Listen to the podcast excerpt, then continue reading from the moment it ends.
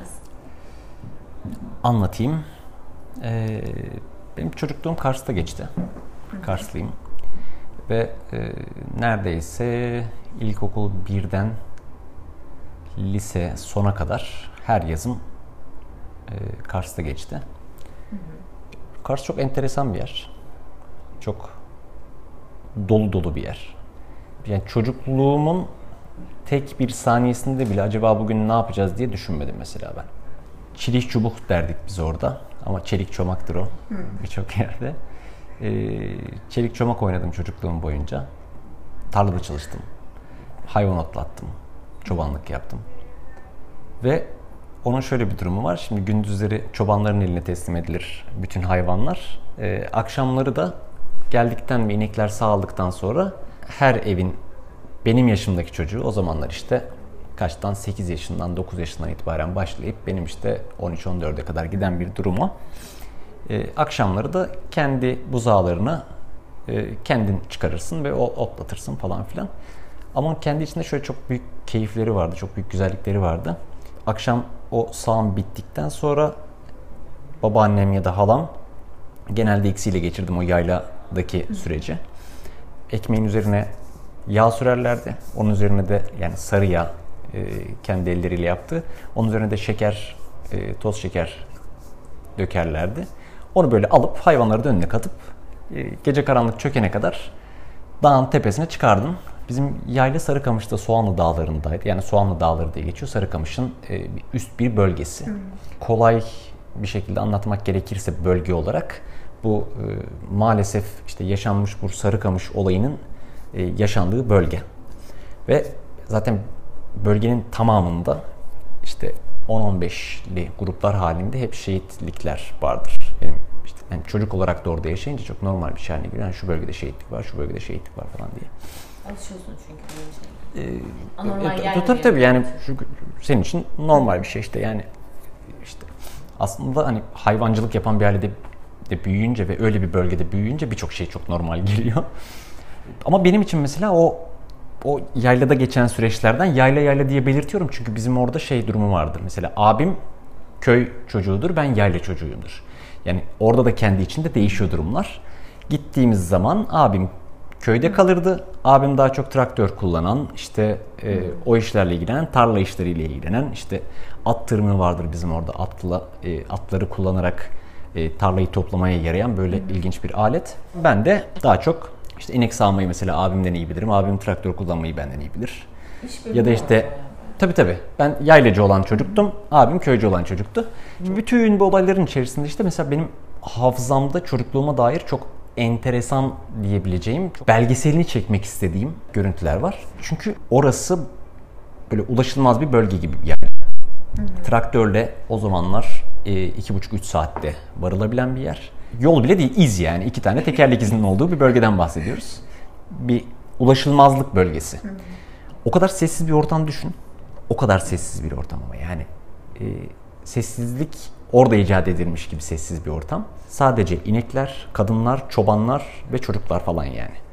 Dağların boş sessizliğini duyuyorsun ve bir araç gelirse onun sesini duyuyorsun. Bir traktör geliyorsa yaylaya doğru muhakkak sesini duyuyorsun. O görüntüyü bir düşün. Böyle bir tepenin arkasından geliyor traktör ve e, önce sesini duyup sonra traktörün e, şeyini egzozundan çıkan dumanı görmeye çalışıyorsun. Dumanı görüyorsun. Sonra traktör sizin traktör mü diye bakıyorsun. Evet bizim traktör çünkü sırada o vardı. Ve sonra işte 3-5 arkadaşla birlikte köyden motor geliyor diye biz bayağı koştura koştura yaylaya doğru gelirdik mesela. En büyük Aa. eğlencelerimizden biri budur. Ben şu böyle hafif dışarı çıkıp böyle yukarıdan bakınca mesela o duruma o anı çekmek istiyorum yani anladın mı? Şey o anı belgeselleştirmek istiyorum. Çok keyifli. Bir de atların araziden toplanması durumu vardır. Bahar başlamadan birkaç ay önce ve herkesin evinde 2-3 tane at vardır. Aslında çiftçi olarak insanların niyeti şu o atları e, doğaya bırakıp kuvvetlenmelerini, güçlenmelerini sağlamak, tarlada daha iyi çalıştırabilmek yazın. E, Ahırdayken ve şey altındayken, zincir altındayken mümkün değil. Hiçbir şekilde o güce kuvvete ulaşamıyor. Doğa onu olması gereken yere getiriyor resmen bütün atları. Köyün gençleri o atlara binerler. İşte 30 tane genç örnek veriyorum. Her birinin yanlarında da ikişer üçer at. Bazı atlar boşta zaten diğerlerinin peşinden koşar. Bazılarını bağlayıp götürürler vesaire. Şimdi yanlış hatırlamıyorsam yaklaşık 12 saatlik bir e, at yolculuğu başlıyor. Köyden şeye yaylaya. Yani. Ve bir traktör de onlarla birlikte önceden gider ya da onlarla birlikte gider. O atları bayağı doğaya salarlar. Tamamen doğaya. Ve o atlar e, ılhı derler bizim orada. Grup, küme. Birer topluluk haline e, gelirler. E, ve işte kuvvetli olan erkek at kendine daha fazla dişi seçer. Tam tam doğa kanunları işlemeye başlar an itibariyle orada bıraktıkları an itibaren. Sonra böyle 20 artık kaç tane güçlü erkek at varsa 2-3 tane şey oluşur, grup oluşur. Ve onlar aylarca orada o bomboş arazilerde ve ilginç bir şekilde bir de kendi alanlarını da belirliyor aslında. Bizim yaylanın mesela şeyini belir- biliyorlardı onlar sınırlarını, yaylanın otlak arazisinin sınırlarını falan. Çünkü insanlar oradan kovdukça, kovdukça, kovdukça bu taraftan bu taraftan hani e, onlar bir alan belir. Evet. Sonra onların tarlada çalıştırılmak üzere yakalanma anları vardır. Benim için işin en enteresan kısmı orada, en keyifli kısmı orada başlıyor. Yine köydeki neredeyse ne kadar insan varsa erkekler gelirler. Bir gün önceden gelinir. Genelde ertesi gün sabah itibariyle atların yakalanma operasyonuna başlanır. Zaten herkes kendi atını tanıdığı için önce zorlu gruplardan başlanır falan filan ama şöyle olur. Bir, o grup fark edildikten sonra böyle 10-12 tane hızlı koşan, iyi koşan çocuk ve genç işte herkes atların etrafından büyük bir halka oluşturarak gitgide yaylaya doğru atları sürmeye başlarlar. Sonra o yaylaya yaklaştıkça o halka gitgide daha çok insanın katılımıyla büyür, büyür, büyür. Sonra küçük çocuklar, kadınlar katılmaya başlar. O atlar, o doğadaki atlar yaylanın ortasında küçücük bir ağla teker teker girebilecekleri bir kapıdan sokulana kadar o halka böyle küçültülür. Ve o atlar oraya girer. Sonra o atlara girdikten sonra mesele bitmiyor. Şimdi aylardır arazide ve e, hırçınlaşmış olan artık bayağı doğaya ve yabani hayata dönmüş olan atları yakalamak gerekiyor. Orada da herkesin kendine göre uzmanlık alanları var. Kimisi mesela atın boynuna atlayıp atla birlikte boynunda böyle savrulanlar ve onu orada yakalamaya çalışanlar mı ararsın? Amcam çok ilginç bir teknik kullanıyordu mesela. Kuyruğundan yakalıyordu atları. Çok tehlikeli bir yöntem ama kuyruğundan, kuyruğundan tuttuğu zaman çünkü işte teknik öğrenmişler nasıl yapmışlar. Kuyruğundan tuttuğu zaman atlar böyle olduğu yerde kalıyorlardı. Sonra da birisi de hemen geçiyor ön taraftan bağlıyor falan. Herkesin kendine göre böyle muhakkak sakatlıklar çıkar orada. Birisi atla birlikte taşlara yuvarlanır, bilmem ne olur, şu olur, bu olur.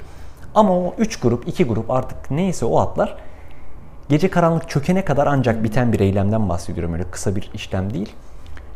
Ama muhakkak, ha, bu arada o atlar ilk parti atlar yakalandıktan sonra gençler hemen o atlara biner. Bu sefer artık koşmaya gerek kalmamıştır. O atlara binen gençler o diğer atların etrafını çevirirler, köyün yanına getirirler. Aynı işlem onlar için de tekrarlanır. Ve değişmez bir kuraldır. Birçok şeyde var ya öyle şeyler. Değişmez bir kuraldır muhakkak erkek atlardan bir tanesi ağılın üzerinden atlayıp kaçar. Erkek atları yakalamak çok zordur o süreçte.